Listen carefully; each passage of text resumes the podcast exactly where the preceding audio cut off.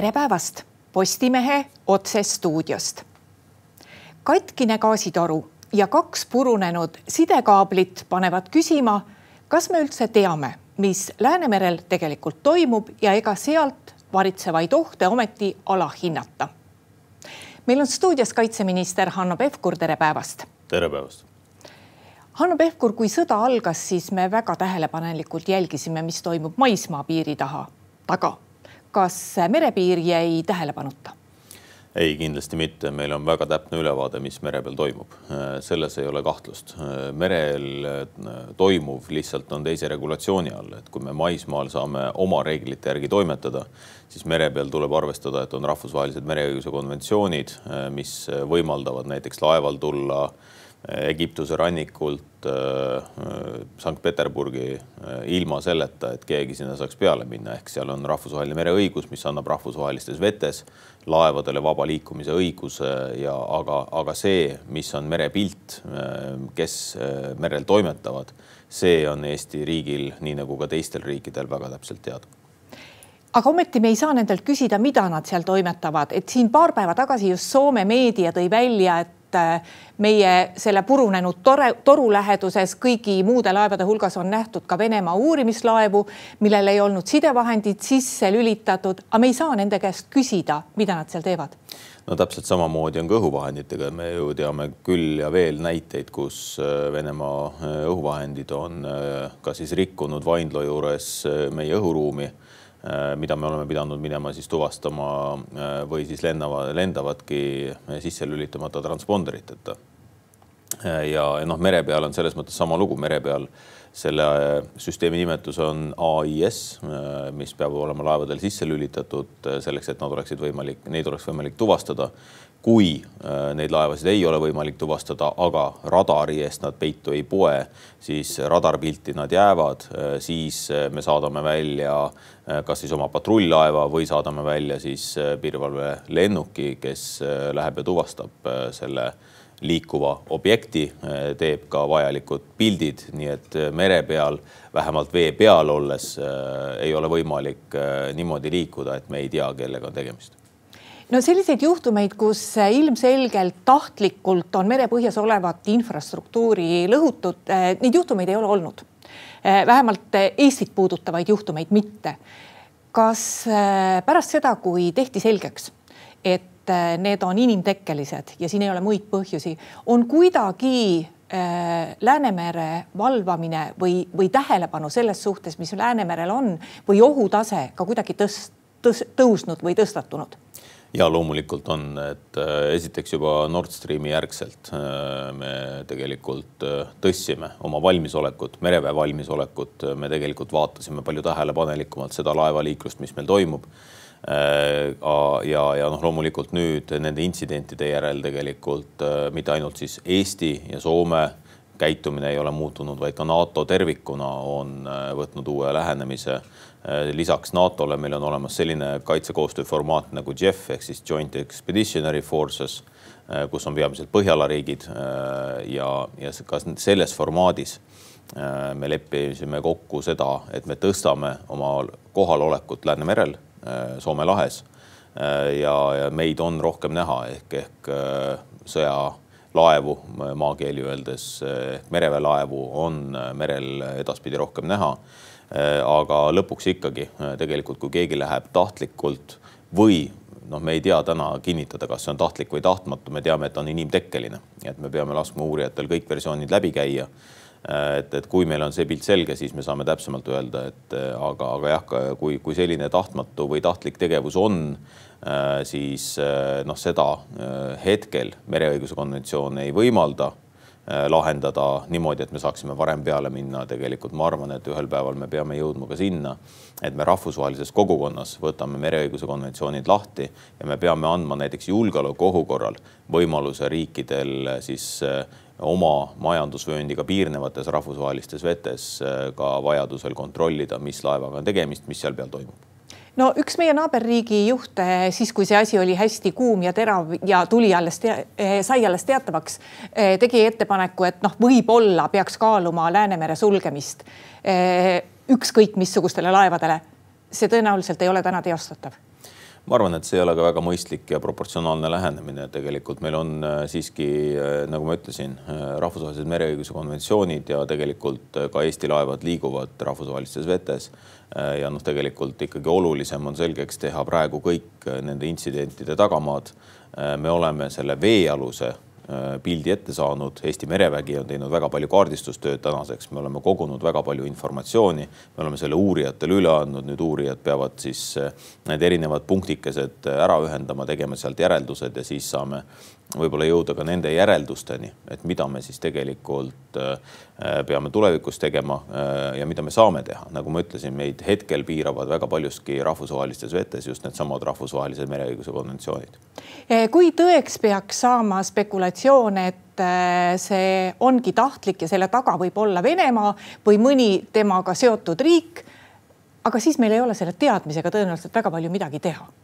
sest Venemaa on nagunii meie vaenlane Äh, no ühest küljest loomulikult ainukene oht Eesti riigile, Eesti iseseisvusele, Eesti rahvale saab tulla idast, et äh, me ei näe, et kuidagi mm, meie liitlased muutuksid meile ohtlikuks, et seda, seda ohtu Eestis, Eestil ei ole. teisest küljest äh, tuleb arvestada, et meri ja eriti siis ka Läänemeri, vaatamata sellele, et ta on väike, on ta strateegiliselt ülioluline ja siia on võimalik ka rahvusvahelistel teistel äh, riikidel oma alustega tulla või vähemalt nende ettevõtetel. Ja, ja noh, loomulikult seetõttu tegelikult on meil hästi oluline teada, kes on need, äh, kes siia rahvusvahelistesse vetesse või meie lähedale tulevad äh, ja mis on meie võimalikud käitumismustrid siis selleks, et selliseid intsidente tulevikus ära hoida. Äh, räägime eelarvest ka, mis on praegu hästi palav teema. Ja teie olete see õnnelik minister, kelle ministeeriumi puhul ja kelle tegevusvaldkonna puhul praegu ei küsita, et miks nii palju raha, et kui teised kõik peavad seletama, et äh, miks nad nii palju kulutavad, siis kaitsevaldkond on see, mille puhul isegi opositsioon teeb ettepanekuid, et võib-olla peaks kusagile raha juurde andma kui te vaatate seda rahasummat, mis teil järgmisel aastal on, mis asi on kõige olulisem riigikaitses, mida me tuleval aastal saame? no seda ühte asja on väga keeruline välja tuua, et eh, tõsi on see, et hüppeline kasv eh, on olnud just sellel aastal ja järgmisel aastal ehk me oleme tegelikult suurusjärgus protsendi võrra suurendanud, et me oleme jõudnud sealt noh, kaheksasaja, üheksasaja miljoni juurest ühe koma kolme miljardini ehk äh, tõepoolest need summad on suured, aga samas ka need investeeringud on suured. mul oli väga äh, selline kummastav kuulata ausalt öelda ühte päeva kommentaari ühes äh, Rahvusringhäälingu saates, kus küsiti, et noh, et kuhu see riigikaitse siis jäänud on või miks ta toppama on jäänud ja toodi välja siis õhukaitse pool ja, ja, ja rannikukaitse pool. Äh, minu vastus on siin äh, kõikidele eestimaalastele ja ka sellele samale päevakommentaari tegijatele, et tegelikult meie riigikaitse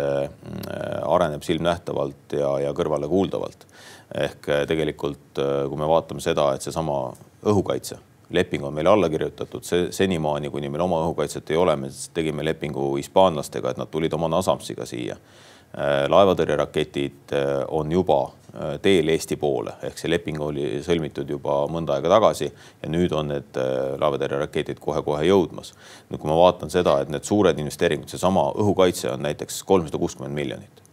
laevatõrjeraketid ka pikalt üle saja miljoni, et näiteks Haimars Äh, mis on äh, siis äh, multiraketi heitja, samamoodi kakssada miljonit, et need summad on tõesti väga-väga suured. mis mulle teeb võib-olla enim rõõmu meie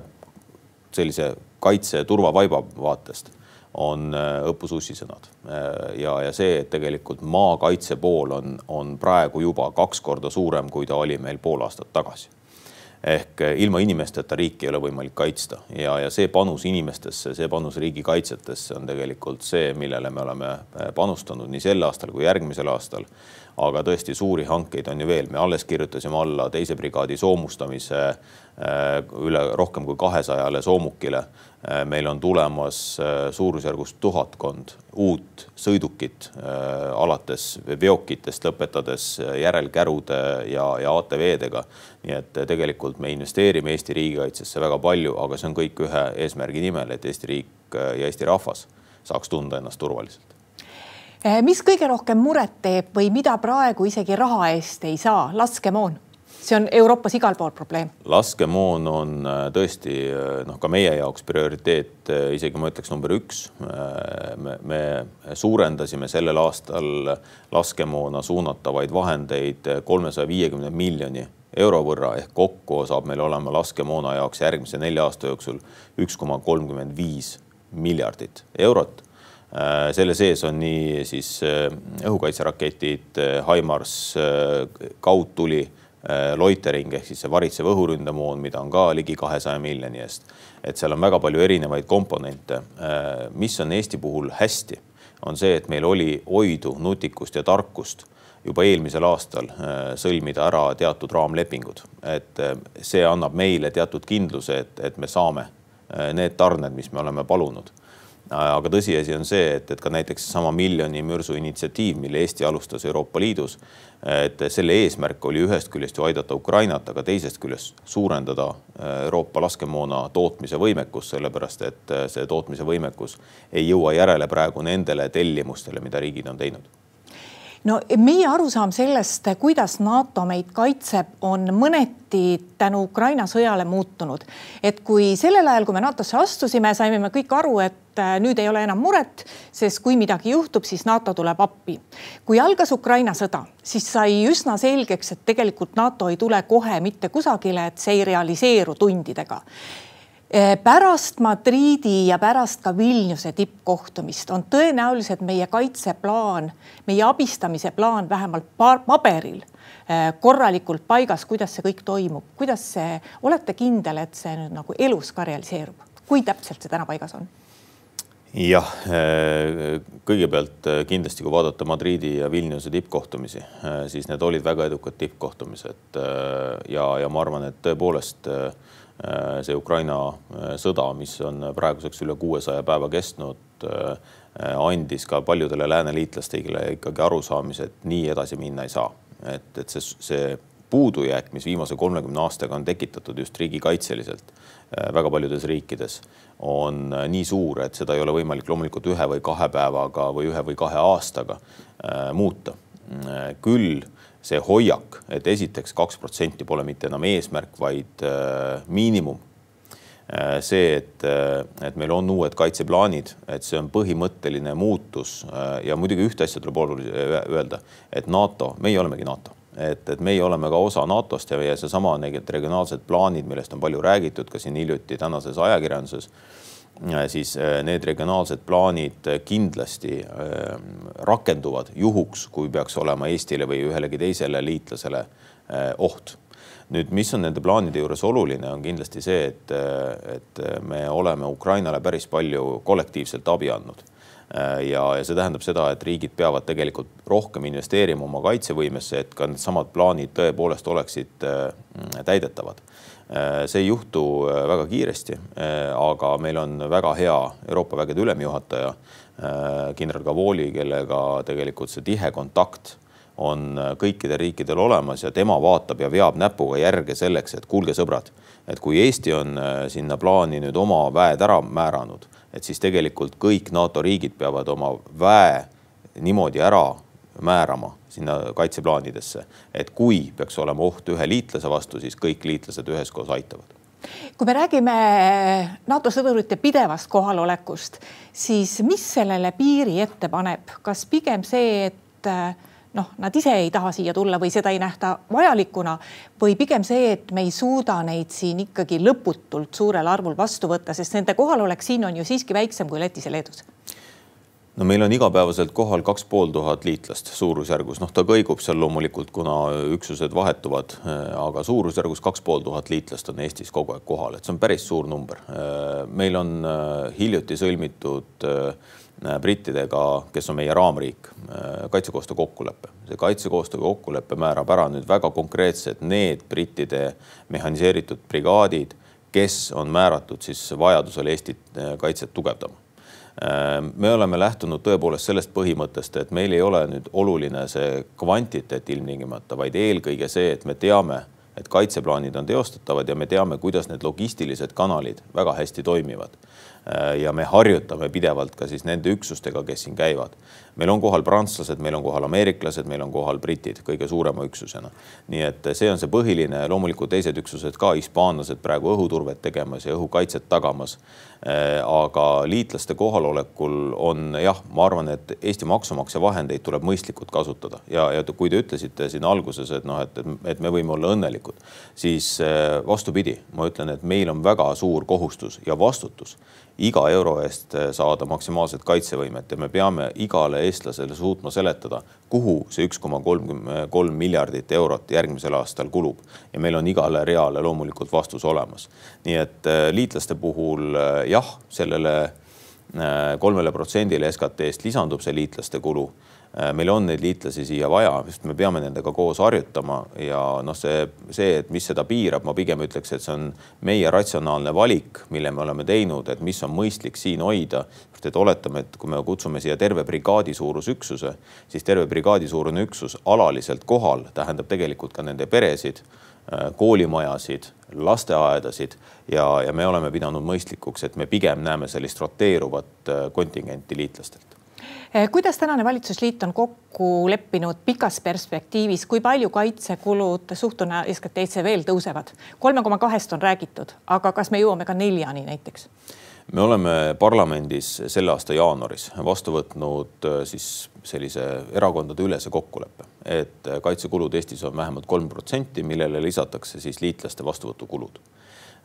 järgmisel aastal on ta kolm koma kaks tõepoolest, aga ta on kolm koma kaks eelkõige sellepärast, et meie selle aasta otsused ja eelmise aasta otsused on oma investeeringute nii-öelda kohale jõudmisega natukene siis äh, nihkes, mis on loogiline, et kui kõigepealt saad raha, siis teed hanke ja siis jõuab süsteem kohale. Äh, siis seetõttu tegelikult osad väljamaksed on meil järgmisel aastal ja see tõstab meie kaitsekulud kolme koma kahele protsendile järgmisel aastal. aga äh, meie planeerimisprotsessis riigieelarve strateegia vaatest kinnitab ära, et järgmised neli aastat on meil igal juhul ta seal kolme koma ühe, kolme koma kahe protsendi juures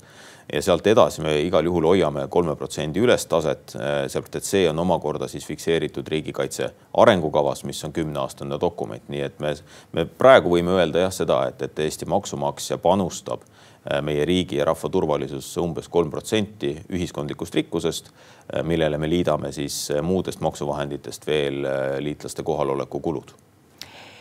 kas Nursipalu harjutusväljaku laiendamise temaatika, noh, seda muidugi ehitatakse alles, aga kas äh, kõik need kokkulepped, rahaeraldused, mis on nüüd viimastel nädalatel tehtud, äh, kas nendega veel seoses võib öelda, et see Nursipalu harjutusväljaku problemaatiline pool on lahendatud ja kas teil on süda rahul sellega, kuidas see kõik käis äh.?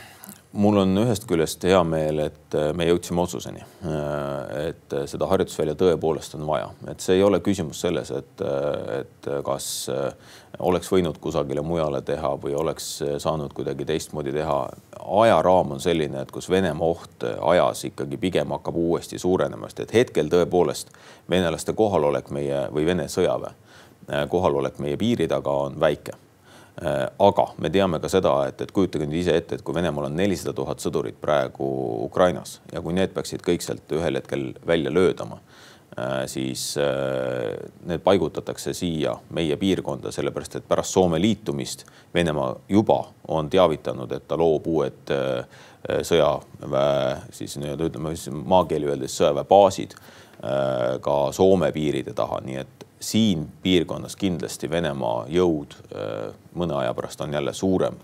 äh, kui ta on olnud senini, mis meie jaoks tähendab seda, et tegelikult meie heidutus, meie kohalolek ja, ja näitamine, et me suudame ennast kaitsta, peab olema tugev ja seetõttu ka see harjutusväli on ülimalt vajalik. kui te küsite, et äh, kas ma olen rahul selle protsessiga, noh alati on võimalik üht-teist paremini teha, alati on võimalik rohkem infot anda, aga ma julgen ka väita seda, et, et üle aasta kestnud kaasamine äh, rohkem kui või noh, ütleme suurusjärgus kümmekond kohtumist ehk peaaegu iga kuu üks kohtumine, kui keskeltläbi vaadata, mõnikord me tegime neid tihemini. Äh, selge sõnum kohalikele, et me toetame kohalikku elukogukonda investeeringutega ja jäämegi püsivalt toetama suuremalt kui seni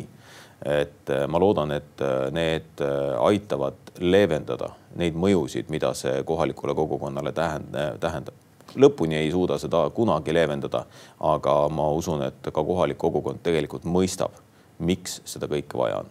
no kui te tõite siin näite sellest venelastest või Vene sõjaväe olem-, kohalolekust idapiiri taga siis jääb, see pole küll otseselt teie valdkond, aga ikka jääb küsimus, et miks me nii leiged sellisel juhul äh, suhtume idapiiri väljavahet, väljaehitamisse, et miks me seal ei pane sellist kiirendatud tempot ja suuremaid rahasid peale. et mis mõtet on kaitsevõime tugevdamisel sees, kui piir ikkagi noh, ausalt öelda piiriehitus venib no piiriehitusega ega piiritara ühtegi eh, sõjaväge kinni ei hoia loomulikult, et selles mõttes, et eh, noh, kaitseväe tehnika kindlasti, kaitseväe tehnikale eh, üks piiritara probleemi ei valmista, et, et selle, selle peale ei ole mõtet nagu küll nüüd mõelda, et, et või arvata, et me, me sellega kuidagi venelaste võimaliku siis agressiivse sõjaväelise tegevuse või sõjalise tegevuse suudame ära hoida. Piiritara ja piiri turvalisus on eelkõige ikkagi seotud sellega, et me suudame kontrollida ja teame, et kes meie piiri ületavad illegaalselt. Äh, ja, ja lisaks no muidugi on hästi oluline ka meie eelhoiatus. Äh, ja sellele eelhoiatusele me oleme päris, päris palju rõhku pannud selleks, et me teaksime, me näeksime võimalikult palju ette, me suudaksime ennustada äh, Vene relvajõudude käitumist ette nii palju, et me jõuaksime oma toimingud vajadusel ära teha, aga meie kõik toimingud siiski on suunatud sellele, et ära hoida igasuguse sõjalise, igasugune sõjaline oht, sellepärast et kõige odavam sõda on ära hoitud sõda no praegu on Kaitseministeerium just tutvustamas mõnedele omavalitsustele seda kaitsetööstuspargi ideed, noh, mille puhul me ei saa nüüd kaugeltki rääkida mitte sellisest maa-alast, nagu me räägime Nursipalu puhul, aga millega kindlasti on ka kiire ja arvestades seda Nursipalu kogemust ja elanikkonna vastuseisu, on ju kaitsetööstuse puhul ka siiski see eh, ohutsoon ja igasugused eritingimused, et eh, kas te ei karda, et kui nüüd kaitseministeerium täpselt samamoodi kiirkorras ja ütleme igasugustele menetlusreeglitele, noh, mitte küll vilistades, aga siiski nende lõdvendamise suunas läheb nii nagu mindi Mursipalu puhul, et siis tekib juba ette seal kohalikes omavalitsuses selline inimeste eelhoiak. teate, me oleme siin muidugi hoopis teises olukorras, et äh, see kaitsetööstuspark, mida me püüame ka valitsuses täna arutada, veel õhtul äh, täna, äh, siis selle eesmärk on ikkagi koha peale viia töökohti, koha peale viia investeeringuid ja koha peale tegelikult luua seda täiendavat